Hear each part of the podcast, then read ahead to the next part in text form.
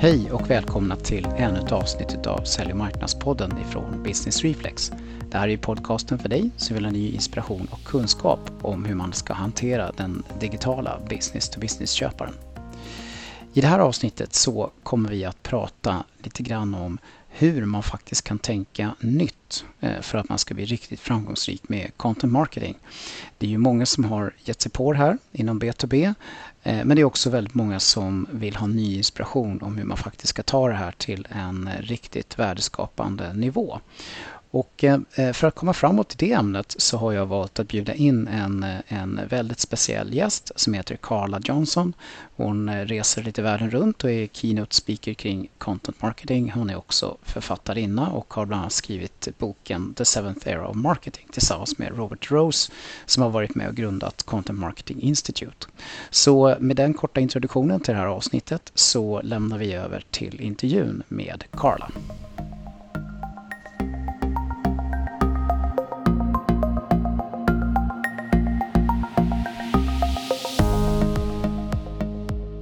So I'm very, very happy today because I have a special guest uh, in this podcast episode. She's one of my uh, important sources of inspiration.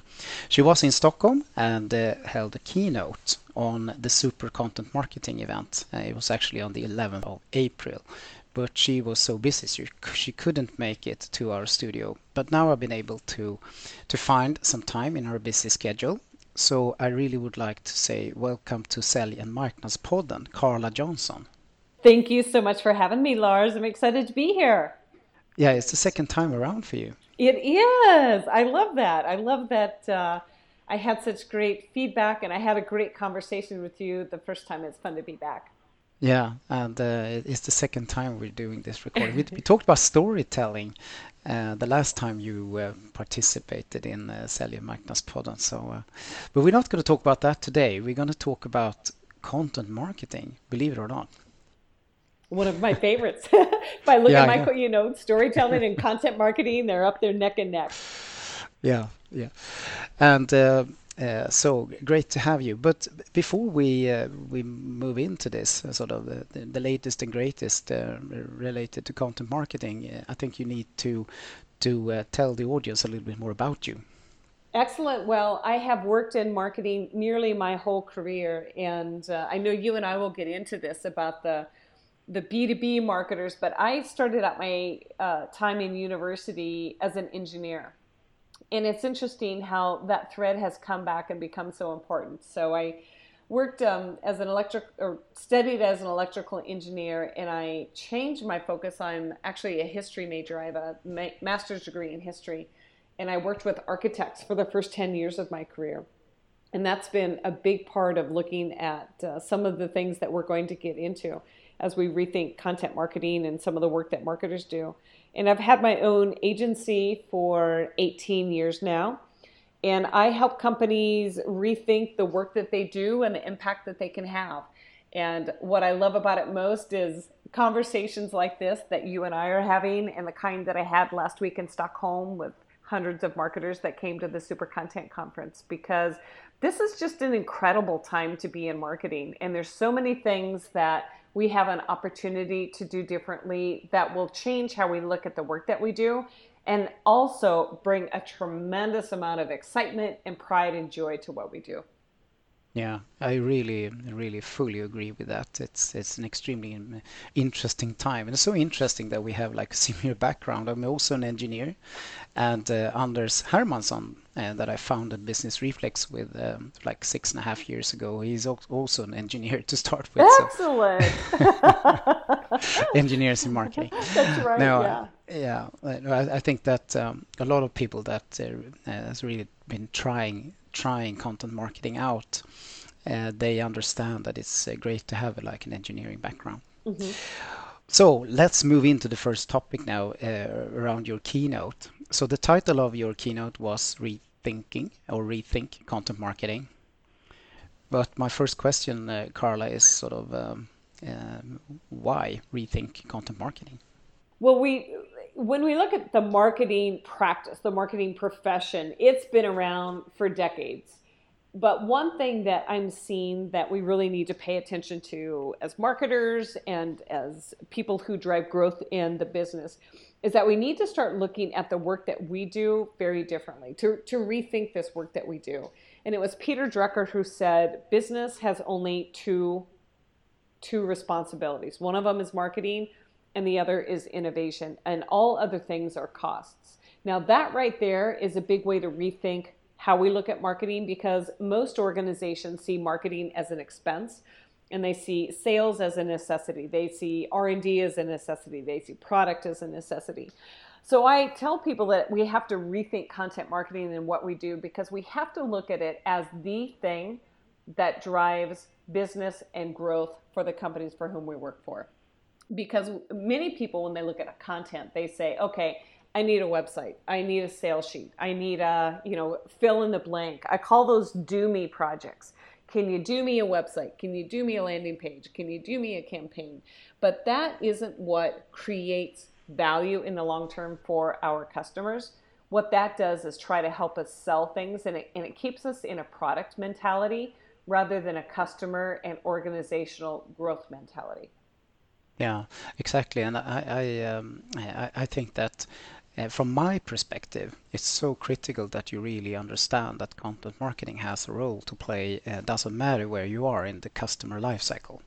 If it's sort of attracting someone, or if it's uh, converting, generating leads, or if it's supporting longer sales processes in B2B, you make sure that people really love what you deliver to them and, and com- convince them to be to be sort of your your real uh, uh, ambassadors over time and continue to buy from you and see great value from you uh, when they are customers over a long period of time. It, it's so important for all of these phases. Of. Mm-hmm. Absolutely. But um, so tell us more about this keynote. Um, uh, what, what is it that you're you're saying when you talk about this sort of re- rethink concept? If you go into a bit more detail. Absolutely. And you know, here's one thing. I've worked with marketers for oh gosh, 20 years. And I've gone to mm. a lot of conferences and and I started to see this pattern that we mm. have as marketers. And we'll look at brands like, you know, in Sweden, IKEA and, you know, other big brands. We look at in Scandinavia Lego. I mean, that's a company that marketers all over the world wish they could be like. Um, yeah. We look at IBM, we look at GE, we see some of these amazing things that they're doing.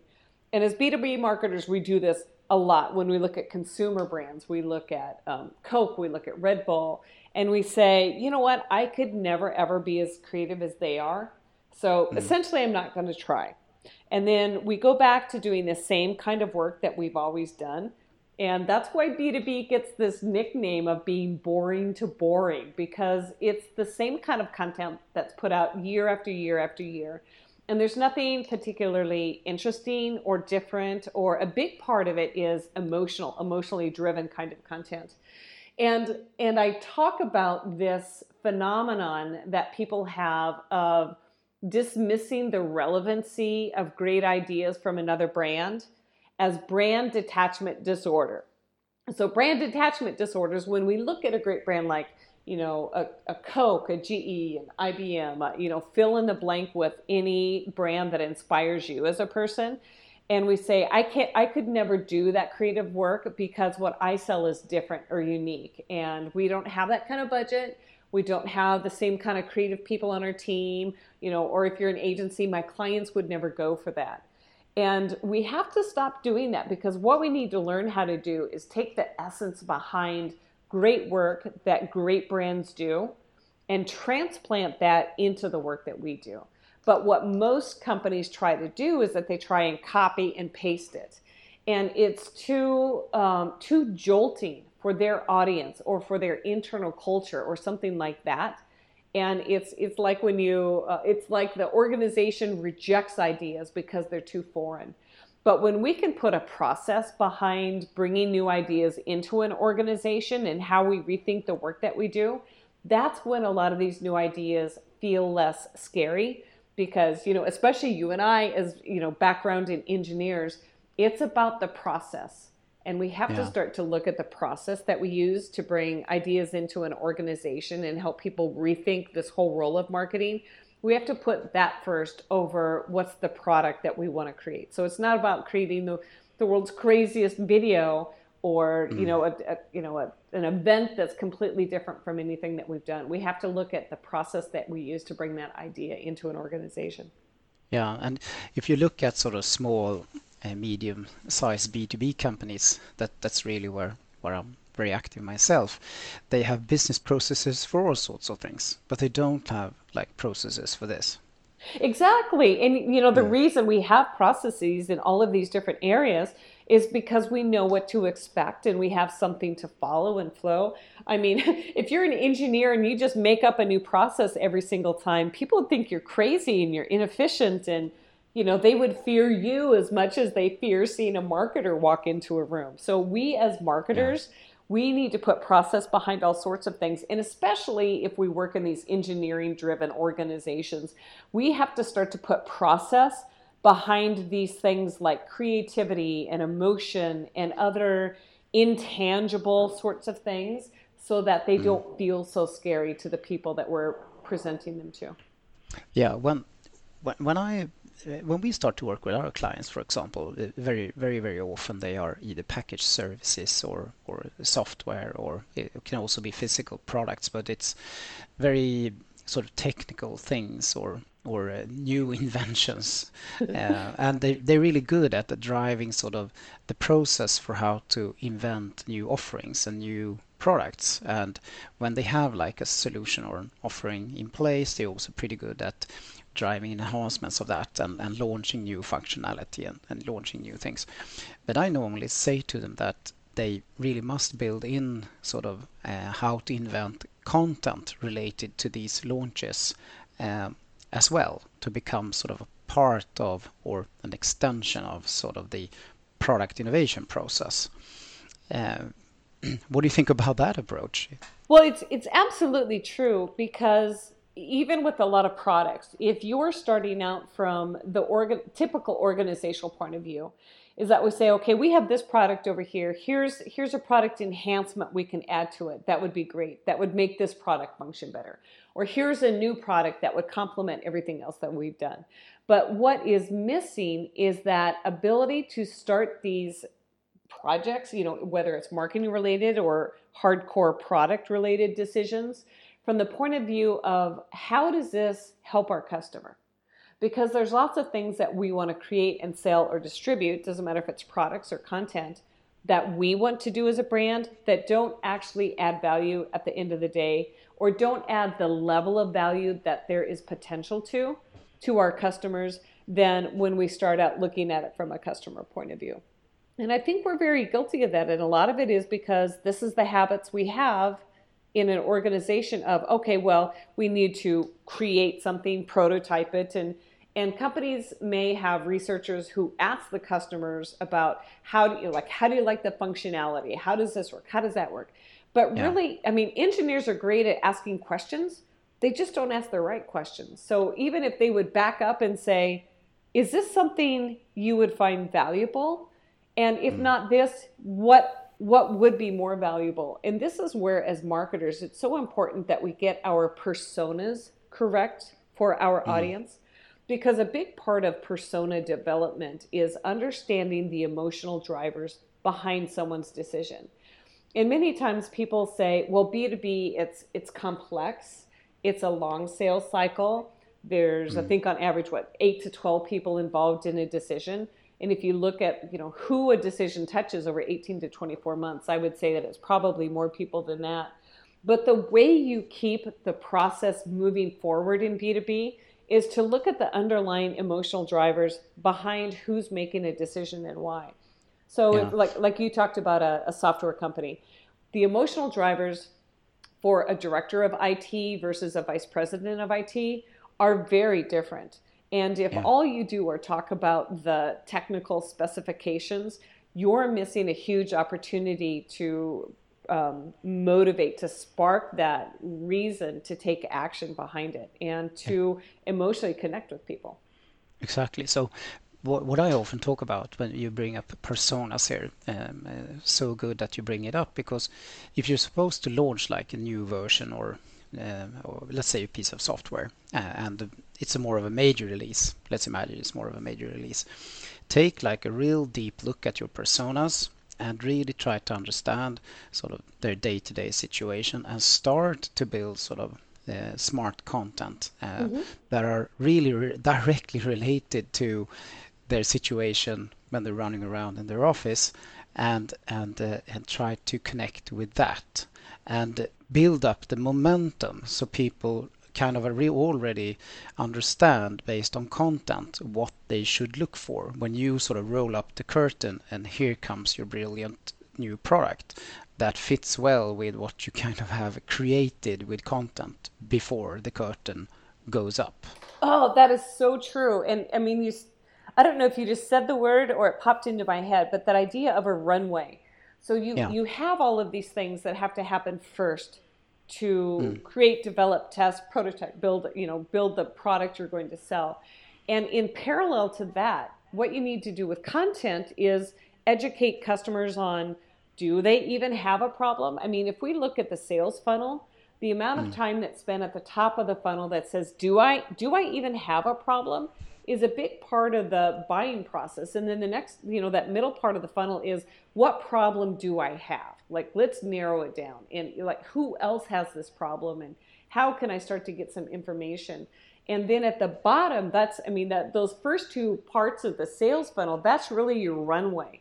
And then yeah. when you get to the, the bottom part where it gets to product and you're ready to launch it, you should have already primed this runway so that when your product takes off, you already have the groundwork laid and you can take off then with product content because there's um you know people consume for every one piece of product content on average they consume 10 pieces of middle funnel content and maybe um, 50 to 100 pieces of early stage content so if mm-hmm. you're not getting into the conversation until you're launching a product you're missing a huge sales opportunity because people are going to educate themselves somehow.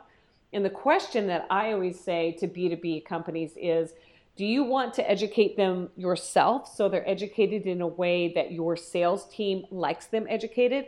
Or do you want a competitor to educate them? And yeah. everybody says, well, of course I want to educate them. Well, then you have to start out that runway before the plane leaves the ground. Mm. Yeah, something else. Uh. So if we talk about a product launch, quite often what I found is that when you start to look at it from like an outside in perspective and, think about the different personas that needs to be inspired and educated and, and, and blah blah blah, then you can quite often sort of package the actual products uh, potentially together. So you have like one main product that you're going to launch, but quite often you have other things that you potentially have launched already or uh, that you're supposed to launch separately. More to bring it together so it becomes sort of one unit. Uh, more uh, than taking in in, uh, in consideration the pain that we're solving rather than the function features that these things contain. Absolutely. So you, so yeah. you package the actual product offering mm-hmm. based mm-hmm. on that rather than the functions and the features, which Absolutely. is the common way of doing it. Yeah, and, and if you go back when you were talking about how understand that persona and, and what they go through, mm. I, I suggest that my clients go through a process of describing a day in the life of, and then list your persona. Because what you'll find, and it's uh, like this is so humbling, especially for product engineers and salespeople. What you'll find is that your product is really just a very, very small part of their day. But the bigger yeah. conversations around it that can lead to it are huge. And so that's where you want to be able to step in earlier because when you do that, people get to know you better and then they'll get to like you and they trust you. So then that means, you know, back to that long B2B sales cycle, you can move things forward faster when people mm. already know you, like you, and trust you. Exactly. So, uh, yeah, at this conference, I, I know that you, you you talked about sort of how great brands do this, and great brands do it differently. Uh, now we talked about it from a product launch perspective. What, but what would you say, sort of in, in general, that that the companies that, that are really delivering sort of great content uh, do differently? Uh, apparently they have a process, but if you would dig down a little bit deeper into that, what do they what do they actually do compared to the ones that are failing? Yeah, you know, one of the things that that that I see as a distinction between the companies who are really successful and those that aren't is one is that there's companies that innovate, and those are companies that you and I just talked about that really focus on the product. And mm-hmm. generally, those companies have a culture where these innovative people are are geographically or emotionally quarantined off and they're the ones who hold this responsibility for for new ideas. And sometimes you see it even within creative groups in an organization you know oh, it's the creative director or the copywriter who has the ideas and everybody else needs to just keep their distance. And what we see what i see in these organizations is that when you have this kind of environment if you ask anybody else in the in the company you know account executives, sometimes the salespeople, or you know other people in the in the re- customer relationship chain, is that they say, well, that's not my responsibility, or I'm not smart enough because I'm not you know an, a, an engineer, I'm not a data analyst, I'm not a I'm not a design thinker. I see that as a lot of excuses these days, design thinking. And so mm. I don't I don't know how to come up with a good idea. But you look at the people in an organization, it's those frontline people it's people outside of product who really have an opportunity to come up with great ideas. So that's that's a company that innovates and you compare that to a truly innovative company. And those organizations, you know, those are your Apples, your Googles, your IKEAs, you know, they're the ones who believe everybody has a responsibility for coming up with great ideas. And you can't practice this open innovation kind of culture within an organization when you have closed participation. So that's the mm. one thing is that they see great ideas as something that is a cultural norm, not hmm. something mm. that's just a few people have responsibility for. Um, and uh, yeah, I, I, you bring up like a lot of examples, and you already touched on a lot of examples. Uh, companies that really kick kick this off well and, and really delivers great content. Um, yeah, do you have any sort of um, specific B2B examples you would like to mention now on the podcast? Yeah, absolutely. One of my favorite companies that has been doing this for 20 years is Emerson, and they're a digital industrial engineering company in St. Louis, Missouri. And I credit mm. their their chief marketing officer, Kathy Button Bell, for a lot of this because Kathy does what the process is that I teach people. And this mm. is all, so I'll go through the process and then I'll give you an example of what she yeah, did please. that that really stood out that worked so well. So what I see the most innovative people do is one is that they're just much more observant of the world around them. You know, we're you know as marketers especially we're always on our smartphones or emails or social media. You know, we're looking at all of these things but the innovative people really stop and just pay attention to the world around them, even if it's something as simple as getting a cup of coffee in a coffee shop or where you sit in a meeting every single week. Like, do you go into a conference room and always sit in the same place?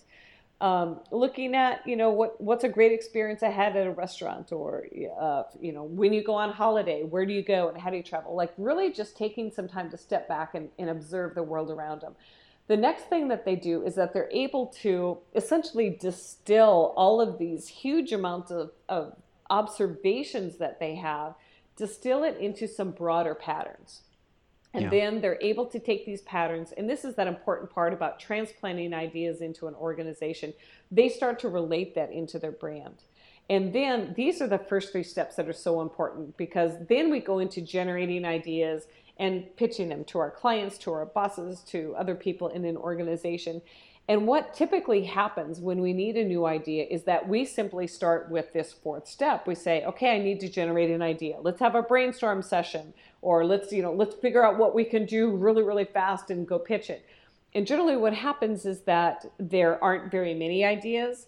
And so the pool of things that you have to choose from is very small, so they aren't very good ideas and then mm. you end up saying you you end up pitching an idea and it's too different for people to get their head around.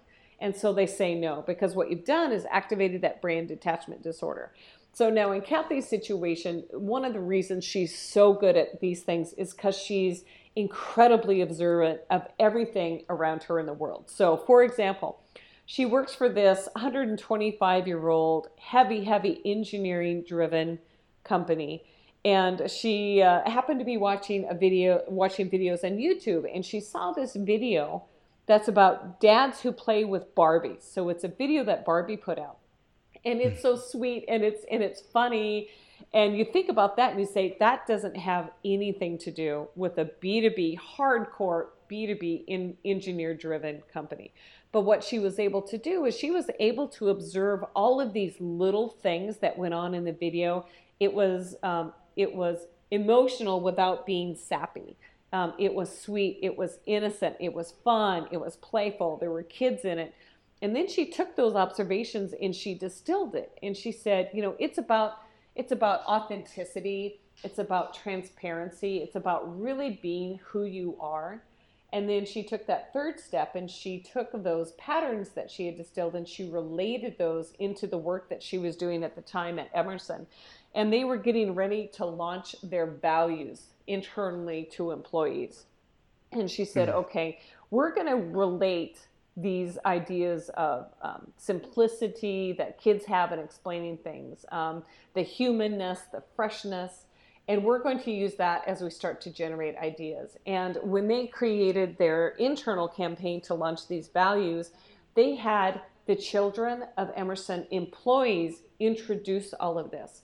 So they had them holding signs about the values. They had, uh, when you drive onto a parking lot at an Emerson office location, there's big signs out in the parking lot on the lights that have the kids holding these these um, values. And you walk down a hallway in one of their offices and you see it because they knew just like kids repetition really matters.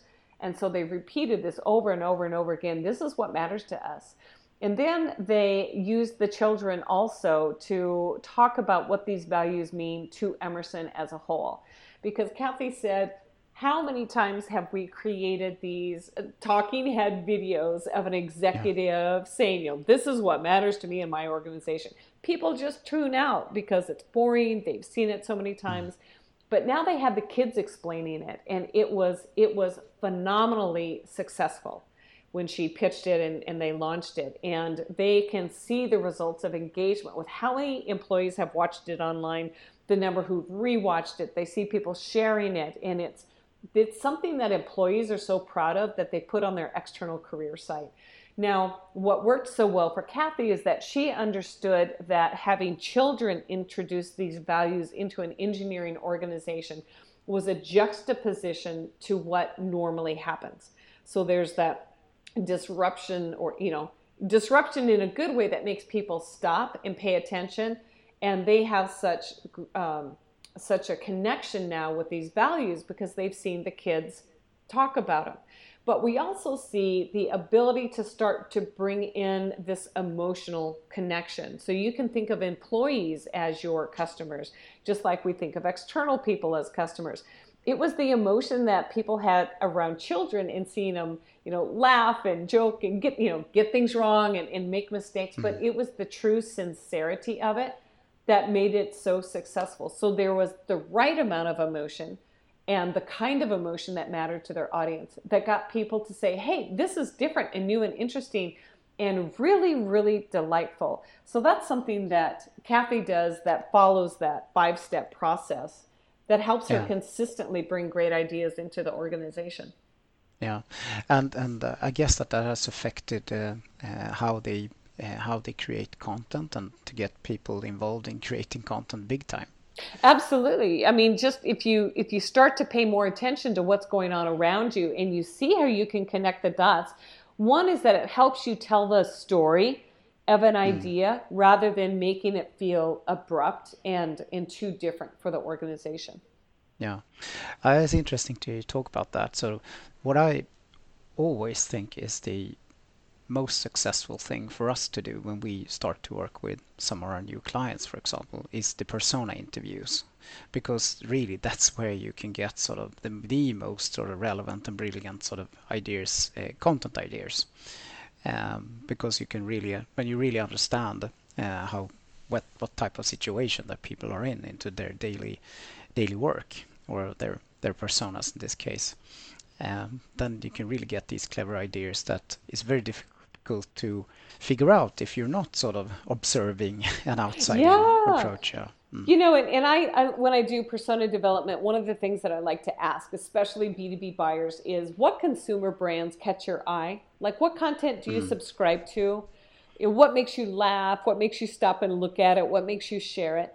Because mm. many times B2B people think that, oh, like that's that's so consumer oriented. That doesn't relate to us. But really, it's it's about what people find interesting. And yeah. whether we like it or not, B2B content competes with things like the video of the cat dressed up in a shark costume on a Roomba that's chasing a duck around the kitchen. I mean, it seems ridiculous, but we're not competing against our competitors. We're competing against other things for our audience's attention. So we do have to be more interesting. We do have to be more unique. Now, that doesn't mean that if you're trying to capture the attention of another engineer, you need to have content that's of a cat dressed up in a shark uniform on a Roomba, you know. But what you can do is distill what is it that makes it interesting. And it can be humor, it can be um, uniqueness, it can be perhaps it's a series of content like that. So, again, looking at what's behind that made that content successful and transplanting that into the work that we do. Uh, yeah, I, think that in general, if you're in B2B and you uh, you start to to see sort of all the value that content marketing can bring and you you start to work with content marketing you start to produce content of course it's it's uh, relatively easy to create sort of the hard stuff that is really relatively technical relatively close to what you do or uh, and to work with that uh, uh, but but when you've been doing that for some time it's extremely important to take this sort of more B2C approach and play a lot more on emotions and uh, and to create content that kind of resonates with people taking in B2C approach in into consideration just like you describe it. Uh, but I think that uh, I think we underestimate also uh, the fact that well, a lot of people talk about it that B2B buyers they are humans as well, and buy with their stomachs. But I think it's it's a lot more like that than than we can imagine.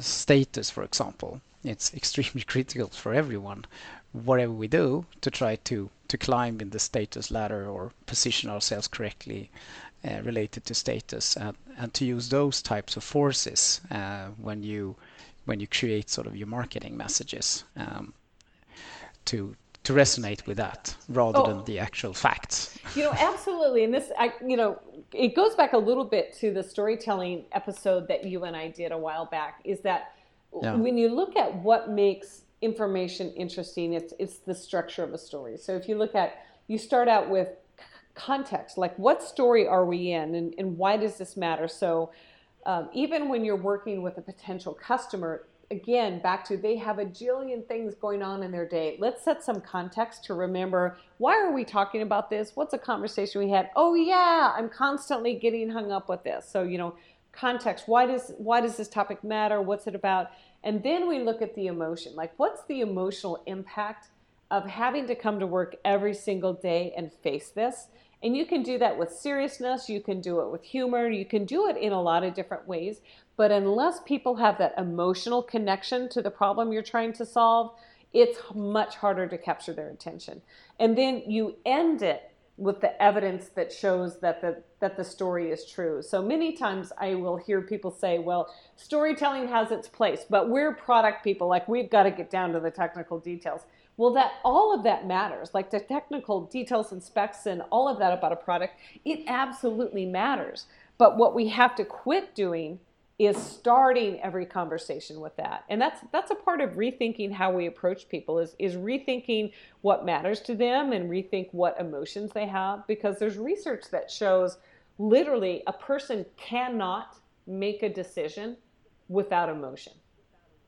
Yeah, and if you if you're really into to sort of storytelling here, and you you you, you play with their emotions, and and you resonate with that, and you do it in in a sort of B to C uh, type of way, then you inspire them, related to something that can make them more successful in their job roles. You educate them in how to do that so they can figure it out themselves and, and interact with all the others using digital techniques that needs to be involved in B2B decisions. And then finally they find you and they buy what you're offering them, but then don't stop the storytelling because now they're going to get the delivery and in most B2B situations, now we're going to deliver value related to our products and offerings, and we kind of stop doing this sort of things on top that we really need to do yeah, when I you mean, have bought something that's extremely obvious in B2C, but in B2B we don't think about that. We have to deliver that extra value and and help them to talk to others uh, about this great decision that they've taken uh, when they decided to buy from us and so on and uh, continue the storytelling until they are these advocates that recommend us to everyone uh, in a structured way. I think that, that I think that's more or less completely missing in B2B. I, I would agree, and and the idea of serial content. This mm. you think about this as, as a series in TV shows and books. I mean, J.K. Rowling. Look at look at how tremendously successful she was because of her serial storytelling. And you look at the same with Game of Thrones, you know, phenomenal serial storytelling. But what's also common between these two is that they are extremely complex and interwoven storylines that mm. bring up that emotion. It's conflict and resolution, conflict and resolution. These are the exact practices and skills that we need to use in B2B marketing because many times what I see is that B2B marketers create these individual ad hoc content pieces, and then there's no place for people to go after that. But if you can start to think about serial storytelling in B2B, just like what happens in B2C or in the rest of the world, again, we're creating this content for people, not just business to business buyers. We have to step into how they like to interact with information, with entertainment, with whatever content they consume on a regular daily basis and be that kind of person who delivers that style of content for them as B2B buyers. That's what really creates that emotional trust and connection. Mm. Okay, well, what would you think, Carla? You you stood uh, up there on the stage to deliver your keynote. What is the kind of status in the room, sort of? Where are people in terms of content marketing? Uh, they're, they're producing content, they're doing certain things, but but what would you say? You know, I think the thing that I still consistently see that people are missing is understanding how and why content needs to be used to create a connected experience. And when I say a connected experience, it's it's of course through the buying funnel and making sure that you're creating more upper funnel content than what marketers are doing now. But it's also connecting the entire experience that a um, a prospect or, or a customer has with an organization. So we hear, especially salespeople, talk about customers and prospects. But what I like to ask them to do is to start think about audiences, bigger audiences, because when we start to look at audiences, that's where we really create a tremendous amount of power and influence as a brand. So traditionally, before the digital world, the digital transformation came along, content marketing came along. It was the brands who owned the information and could mm. control that that sales relationship and so that it was one to one with a customer. But then if we wanted to reach at scale, we either had to pay to advertise in, you know, on radio or television or in industry magazines, whatever it was, or we had to earn the attention of an audience through reporters. And now that digital transformation has happened and content is available, that's why you see so many news publications struggling or journalists not having jobs because people have another choice about where they go to consume content. And that's these owned media properties that brands are able to to create. And the reason that really successful brands are understanding this and creating their own content platform is because they now see they can own that audience. And when yeah. you own that audience by having people actually subscribe to the content that you consistently create, then you don't have to go through a middleman and either pay for access or try really hard to earn that access by being, you know, the most interesting man in the world or most interesting brand in the world. You have the ability to have that relationship directly and that's incredibly powerful but it doesn't come overnight and, and that's one of the things about content marketing is that to see value you have to do it for a period of time you know 18 months sometimes Sometimes you can start to see an uptick in six months. It depends on your commitment and how often you publish.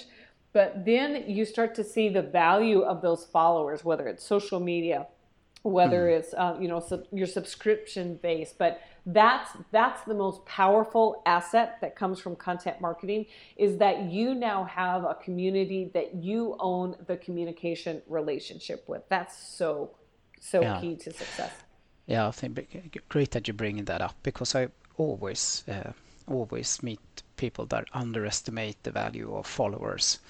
Uh, and uh, if you are a marketeer these days um, and you want attention from sort of top management, uh, talk talk a lot about the value of followers and and uh, what followers actually are. Followers on different levels.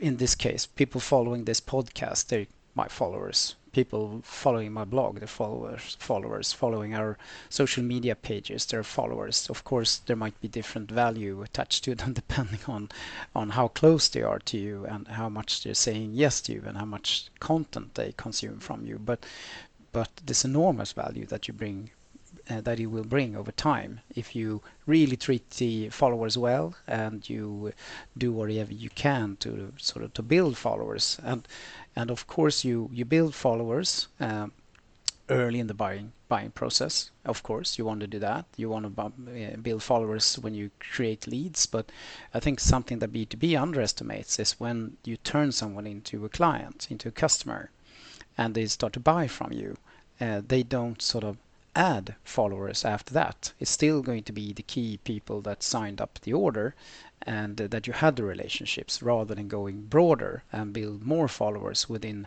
in that customer's community, sort of a customer's organization. That can can be become an, an extremely interesting value over time if you do that in a structured way. Uh, so you can really sort of leverage the followers and I think something that people tend to forget is the fact that if you don't have followers and you want to get attention, how expensive it is these days compared to if you have followers and you want their attention. Oh, that you know that is so true, yeah. and that's also why um, when people say, "Okay, followers," now now I start to see why followers or building audience might be interesting. You know, maybe they're not going to make the financial commitment yet to to really shift some things in marketing to support it, but I say you you have to be able to connect that part about the followers to the actual ROI and contribution to revenue and growth that marketing can deliver. So, um, one of the things people asked me last week in Stockholm is about measurement. And you and I have talked about this a little bit. Yeah. Is about how do yeah. you how do you start to measure some of this stuff so that you can report it in a way that has language around uh, things that your engineers understand, your your president, your CEO understands, your head of finance understands, and that's where I look at it in a pyramid kind of way. So I start out with what is it that you're wanting to deliver that proves marketing's contribution to moving the business ahead. So well, we always know that leads, conversions, that that's really good. So mm. that's something that anybody outside of marketing will understand that marketing is contributing to value. Now we start to look at okay, well, if that's the case, what are the first indicators that we can prove that we're headed in the right direction? And you know, that's always the number of leads that are qualified that we have and how much did it cost us to acquire those leads. Now we back up another level and say, okay, what are the indicators that we can look at, these secondary indicators that tell us if we're headed in the right direction? Okay, so we're hmm. looking at okay, how many unqualified leads do we have? You know, are we out of 100 leads are only one qualified? You know, how do we start to bring that down to a qualified lead for 50 people? You know, how much is it costing us per lead? How many blog subscribers are we starting to get? How many downloads of the content that we're creating? And still, those things, we look at those over a longer period of time, you know, a couple weeks, maybe a couple months, because we're looking for trends in that. But when it goes back to um, audiences and followers, then what we can see, these, these are so powerful right here because we want to look at the user indicators as in like essentially day to day, what's the behavior of the people who use our on, content and what are they indicating for us about the likelihood that we're going in the right direction? Okay, do they like it? Are they sharing it?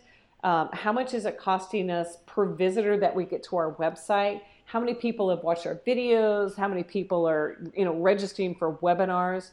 So that's why it matters so much is because it's these it's these behaviors that we see of our followers that bubble up and inform everything else. And the more followers, the bigger your audience, the more information you have. And that's where that data becomes so important. And that's where we start to show as marketers, we're very research driven, we're very numbers driven. And here's the process behind it that makes it all make sense. Yeah. Uh, Carla, uh, uh, time flies when you're having fun it's um, I think it's almost time for us to uh, uh, wrap this podcast up. And um, uh, if you have anything uh, finally that you would like to Uh, to deliver to our audience, but then I of course want you to inform them sort of where they can connect with you and where they can can find you before we close down the uh, episode. Yes, absolutely. My website is carlajohnson.co for company. And I love it when people connect with me on LinkedIn and let me know that you heard our conversation on the podcast. And in fact, if you do um, connect with me because of the podcast on LinkedIn, send me a note and let me know that. And I'll send you a free chapter from the book that I wrote, Experiences the Seventh Era of Marketing, that tells you how to break down this measurement process that Lars and I just talked about. And um, it'll be good to hear from you and what matters most to you. Great. Uh, we'll put that into the show notes. Definitely so. But uh, do you have any uh, trips planned to uh, to Stockholm or to uh, uh, to Scandinavia where people can come and listen to you? let's see. I don't right now yet, um, but I think that our family will probably be having a holiday up to Scandinavia this summer. So maybe I can sneak in some time to visit with people while they're there. I'd love to, to talk to some more marketers. Yeah, yeah, yeah. If you uh, if you have any keynotes or anything coming up here in, in Stockholm, uh, I can inform our audience, no doubt. So that would be great. And, and if anybody would like me to come talk to the team, I can do that while I'm there too. So, um, thank you, Carla, and uh, uh continue to have like a great day in uh, sunny Spain. I appreciate it. Thank you so much.